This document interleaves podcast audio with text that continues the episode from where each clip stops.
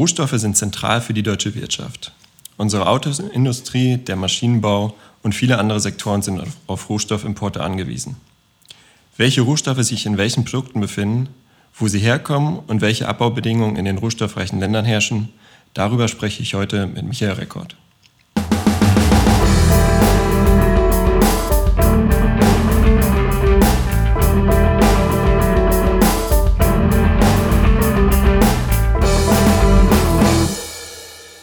Herzlich willkommen zur ersten Folge von Kompass Weltwirtschaft, dem Podcast von PowerShift. Ich bin Nico Beckert, Pressereferent bei der Berliner NGO PowerShift. Wir arbeiten für eine ökologisch und sozial gerechte Weltwirtschaft. Ich sitze hier mit unserem Rohstoffexperten Michael Rekord. Hallo Michael. Hallo Nico. Ja, Michael, du arbeitest seit vielen Jahren zum äh, Thema Rohstoffe. Warum dieser Schwerpunkt? Ich bin erstmalig so gegen 2008 auf das Thema aufmerksam geworden in der, in der Arbeit im Rahmen meiner Philippinenarbeit. Ähm, die Philippinen äh, sind oder gelten als rohstoffreich ähm, und es gibt sehr viele Konflikte vor Ort, sozialer Art, ähm, ökologischer Art um den Abbau von Rohstoffen. Ja, kannst du ein paar Beispiele nennen für diese negativen Effekte? Ja, ein Beispiel ist ähm, in Mindanao, ähm, in dem Ort Tampakan, ein kleiner verschlafener Ort, wo es mehrere kleinere Dörfer gibt, von, äh, ja, wo indigene Gemeinschaften wohnen, wo 1990 erstmals ein australischer Konzern hingekommen ist und festgestellt hat, dass dort ähm, eine sehr reichhaltige Kupfer- und Goldlagerstätte ist, Probebohrungen vorgenommen hat und ähm, wo man den Indigenen erzählt hat, äh, einfache Löcher bohren wären sozusagen das, was Bergbau ausmacht und nicht das äh, mit einem offenen Tagebergbau die heiligen Berge abge, abgetragen werden würden, das Holz äh, abgeholzt werden würde und das Wasser unter Umständen vergiftet worden wäre. Und da hat sich so eine Gewaltspirale ähm, rausentwickelt, ähm, die ähm, ja, für viele Menschen leider Gottes tödlich geendet ist. Ja, du hast jetzt das Beispiel Philippinen angeführt. Äh, man hört ja auch immer wieder, zum Beispiel aus Brasilien, dass dort ähm, Rückhaltedämme brechen. Wie muss man sich das vorstellen als Laie? Sind das Einzelfälle oder kommt sowas immer wieder vor? Es gibt sehr viele Einzelfälle, die man tatsächlich sich alle auch einzeln im Grunde angucken muss, aber es gibt schon gewisse Muster. Ähm, gerade das Brechen von sogenannten Rückhaltebecken oder Rückhaltedämmen dann tatsächlich ähm, passiert fast ja, jährlich oder alle zwei Jahre. In Brasilien ist es am 25. Januar 2019 in Brumadinho passiert, wo 270 Menschen von einer Schlammlawine ähm, ermordet worden sind ähm, oder getötet worden sind und, ähm, oder noch vermisst werden. Ähm, es gab zwei Jahre zuvor in Maricana auch äh, eine Tragödie ähm, in Brasilien, in Mariana, nicht in Maricana, in Mariana. Und ähm, in den Philippinen gab es in den Zehnerjahren äh, einen, einen, Dammbruch. Ähm, ja, das passiert tatsächlich regelmäßig und immer wieder. Und ähm, die sogenannten Tailing Dams, diese Rückhaltebecken, sind eine der Schwachstellen äh, beim Bergbau, wo man stärker drauf gucken muss. Ja, du hast gerade auch Marikana, Südafrika angesprochen es gibt ja nicht nur so, ich sag mal, Umweltdesaster dann, wo Rückhaltedämme brechen und ja, Menschen zu Tode kommen, sondern auch ähm, im Bereich Arbeitsbedingungen, äh, ja, negative Erfahrungen aus dem Bergbau. Kannst du dazu was sagen? Genau, Marikana ist sozusagen ein anderes ähm, ja, krasses Beispiel. Im August 2012 haben damals ähm, Bergarbeiter einer Platinmine einen Streik begonnen, ähm, weil ihre Löhne nicht ausreichen zum Überleben und weil der Konzern vertraglich zugesichert hatte, um die Lizenz zum Platinabbau zu bekommen, äh, Häuser zu bauen. Äh, die Lebensbedingungen der Arbeiter und Arbeiterinnen ist aber katastrophal. Ich konnte mich 2017 vor Ort sogar noch überzeugen, dass selbst fünf Jahre nach dem Streik sich nicht viel verändert hat. Und ähm, dieser Streik wurde von Polizei und Sicherheitsdiensten des Konzerns blutig niedergeschlagen und 34 Menschen starben. Ähm, es gibt eine sehr gute Dokumentation darüber, Miners Shot Down, ähm, die sozusagen ja, diesen Tag begleitet, ähm, wo die Tragödie passiert. Okay, und was hat all das jetzt mit Deutschland zu tun? Also welche Rohstoffe werden in Südafrika abgebaut, in den Philippinen, in Brasilien? Ähm, das hat viel mit Deutschland zu tun, weil Deutschland sozusagen der fünftgrößte Verbraucher von metallischen Rohstoffen ist. Das heißt, wir importieren die, um hier daraus Autos, Chemikalien, Maschinen etc. herzustellen. Und ähm, bei Marikana in Südafrika ist der Bezug sogar relativ direkt. Der größte Abnehmer von Lonmin ähm, war 2012, 2013 BASF die aus dem Platin Katalysatoren für ähm, die Automobilindustrie hergestellt hat. Sozusagen ein Zeitpunkt, als der Dieselskandal ähm, ja, noch, äh, noch unbekannt war, wurde da sozusagen ähm, ja, an einem falschen Ende gespart. Und auch in Brasilien, der Fall ähm, von Brumadinho, da hat die Mine, die Eisenerzmine, hat in den 70er Jahren ThyssenKrupp aufgebaut, ähm, gehört heute Vale. Vale hat ähm, 2018 den TÜV Süd beauftragt, die Dämme sozusagen zu überprüfen, zu auditieren. Und TÜV Süd hat diesen Damm trotz Wissen um Mängel äh, eine, eine Unbedenklichkeit beschieden. Ähm, das Eisen selber wird später zu Stahl verarbeitet ähm, und landet auch sehr, sehr wahrscheinlich in Deutschland. Brasilien ist sozusagen der wichtigste Ort, wo Deutschland sein Eisenerz für, für die Stahlproduktion herbekommt. Und ähm, auch da gibt es dann wieder Lieferwege, ähm, die vermuten lassen, dass das äh, Zeug in Deutschland sozusagen verarbeitet wird. Okay, danke. Und ähm, bei all diesen negativen Effekten, die du jetzt schon angerissen hast und die wir in späteren Folgen des Podcasts äh, noch weiter behandeln wollen, hat der ganze Rohstoffabbau nicht auch positive Folgen für die rohstoffreichen Länder? Also erhalten sie durch den Verkauf von Rohstoffen nicht beispielsweise auch Staatseinnahmen, die dann für soziale Ausgaben getätigt werden können, genutzt werden können? Ja und nein. Ich, zum einen natürlich ist ähm, der Export von Rohstoffen auf gewisse Art ein Devisenbringer. Ähm, auf der anderen Seite muss man sich, glaube ich, genau anschauen, wer profitiert davon. Ähm, profitieren tun sicherlich zum einen die Bergbaukonzerne, zum anderen ähm, unter Umständen, gerade wenn Korruption äh, grasiert, ähm, Eliten in Hauptstädten.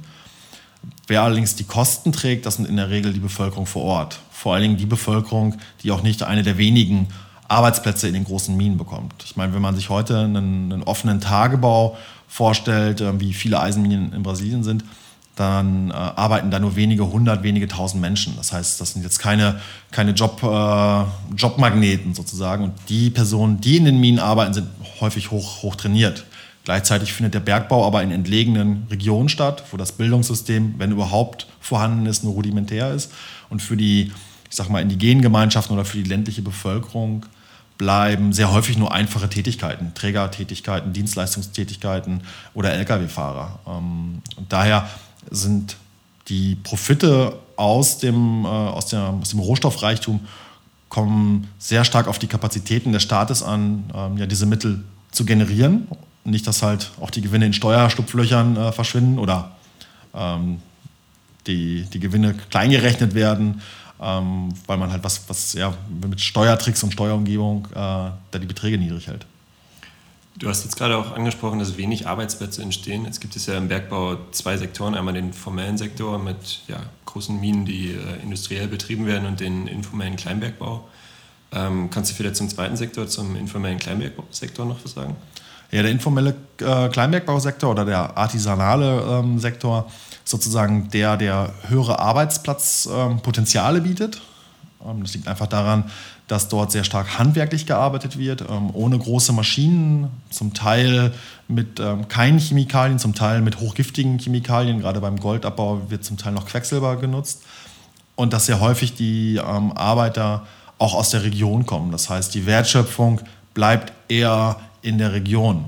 Gleichzeitig ist der informelle Bergbausektor oder der artisanale Bergbausektor sehr wenig formalisiert. Das heißt, es ist viel schwieriger ähm, zu kontrollieren. Ähm, viele Schächte, ähm, viele Grabungen, viele, viele Erdlöcher ähm, haben keinerlei Standards. Ähm, Arbeitsstandards werden weniger eingehalten. Deswegen sozusagen auf der einen Seite der artisanale Bergbau häufig sozusagen ja, so eine Art Buhmann ist und häufig da mit dem Finger drauf gezeigt wird von der Großindustrie. Auf der anderen Seite sind die Tragödien, die ich anfanglich äh, genannt habe, in Marikana, in Brumadinho, in den Philippinen, das sind alles sehr häufig namhafte Großbergbaukonzerne. Das heißt, wenn ein großes Ökodesaster passiert, ähm, wenn es ähm, langanhaltende Menschenrechtsverletzungen gibt, sind auch sehr häufig große Bergbaukonzerne drin, drin verwickelt. Ich glaube, dass ähm, der Fokus auf, die, auf artisanalen Bergbau zum einen über das Thema Kinderarbeit kommt, ähm, was da einfach schwieriger zu kontrollieren ist tatsächlich. Und zum anderen ähm, es da, glaube ich, auch eine Notwendigkeit gibt für eine entwicklungspolitische Zusammenarbeit. Ähm, dort ja, zu überlegen, wie kann man eigentlich unterstützen, dass der artisanale Bergbau sich an Standards hält, ähm, Kinderarbeit vielleicht ähm, ausgeschlossen wird und die ähm, Wertschöpfung auch vor Ort bleibt. Okay, und was müsste politisch ähm, passieren, dass solche Desaster wie in Brasilien, der Dammbruch beispielsweise, nicht mehr passieren? Welche politischen Regularien braucht es da vielleicht sogar? Ja, zum einen in den Ländern selber ähm, müssen natürlich Kontrollen durchgeführt werden und die Kontrollen auch ähm, sozusagen, äh, ja, die Ergebnisse dieser Kontrollen umgesetzt werden. Auf der anderen Seite hat natürlich Deutschland eine Mitverantwortung, sowohl die deutsche Politik als auch die deutsche Industrie. Die deutsche Industrie in dem Sinne, dass sie ähm, den Bergbau weit ausgelagert hat, der weit weg ist, sie aber dennoch die einzigen sind, die kontrollieren kommen, woher kommen eigentlich die Rohstoffe und unter welchen Bedingungen werden sie abgebaut.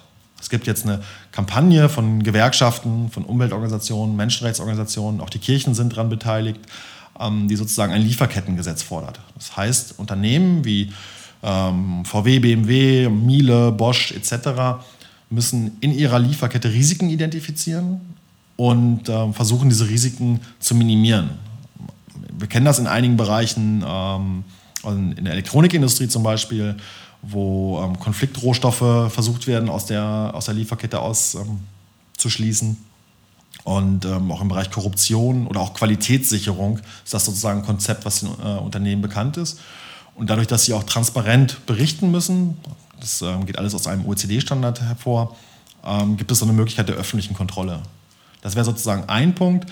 Der zweite Punkt wäre bei einer, bei einer fehlerhaften Handlung, wie zum Beispiel beim TÜV Süd, eine gewisse Haftung zu haben. Das heißt, die Betroffenen müssen gegen den TÜV Süd klagen können, äh, wenn der bei einem Audit nicht ähm, akkurat vorgeht und durch deren Fehler Menschenleben gefährdet werden oder gar Menschenleben verloren werden.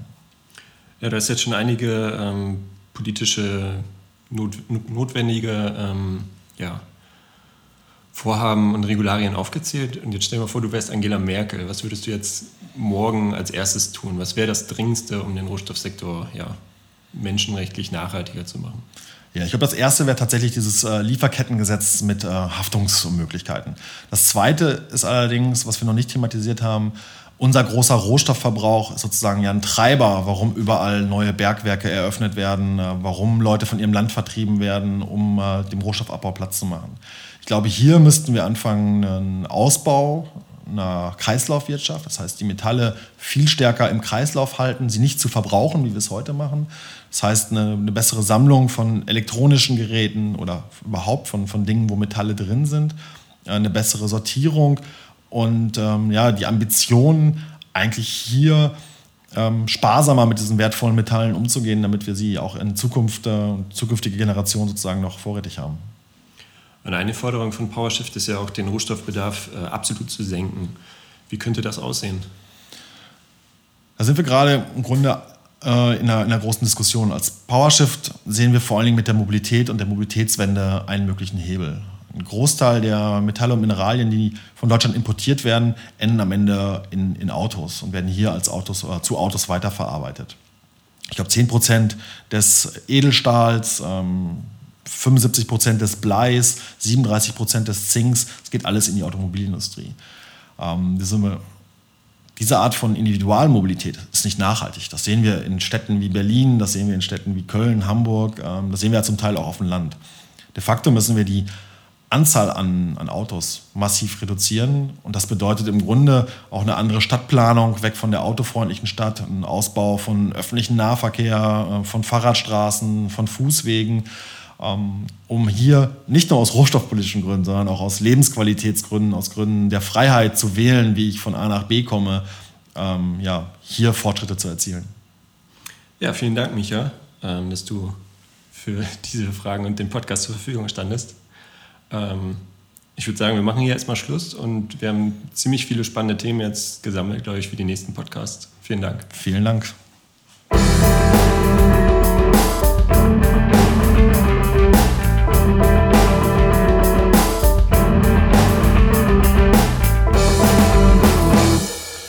Ja, im Rohstoffsektor gibt es also zahlreiche menschenrechtliche und Umweltprobleme. Deutschland trägt als Hauptabnehmer von Rohstoffen eine große Verantwortung. Wir müssen darüber diskutieren, wie wir den Verbrauch absolut senken können. Hört gerne mal wieder rein bei Kompass Weltwirtschaft.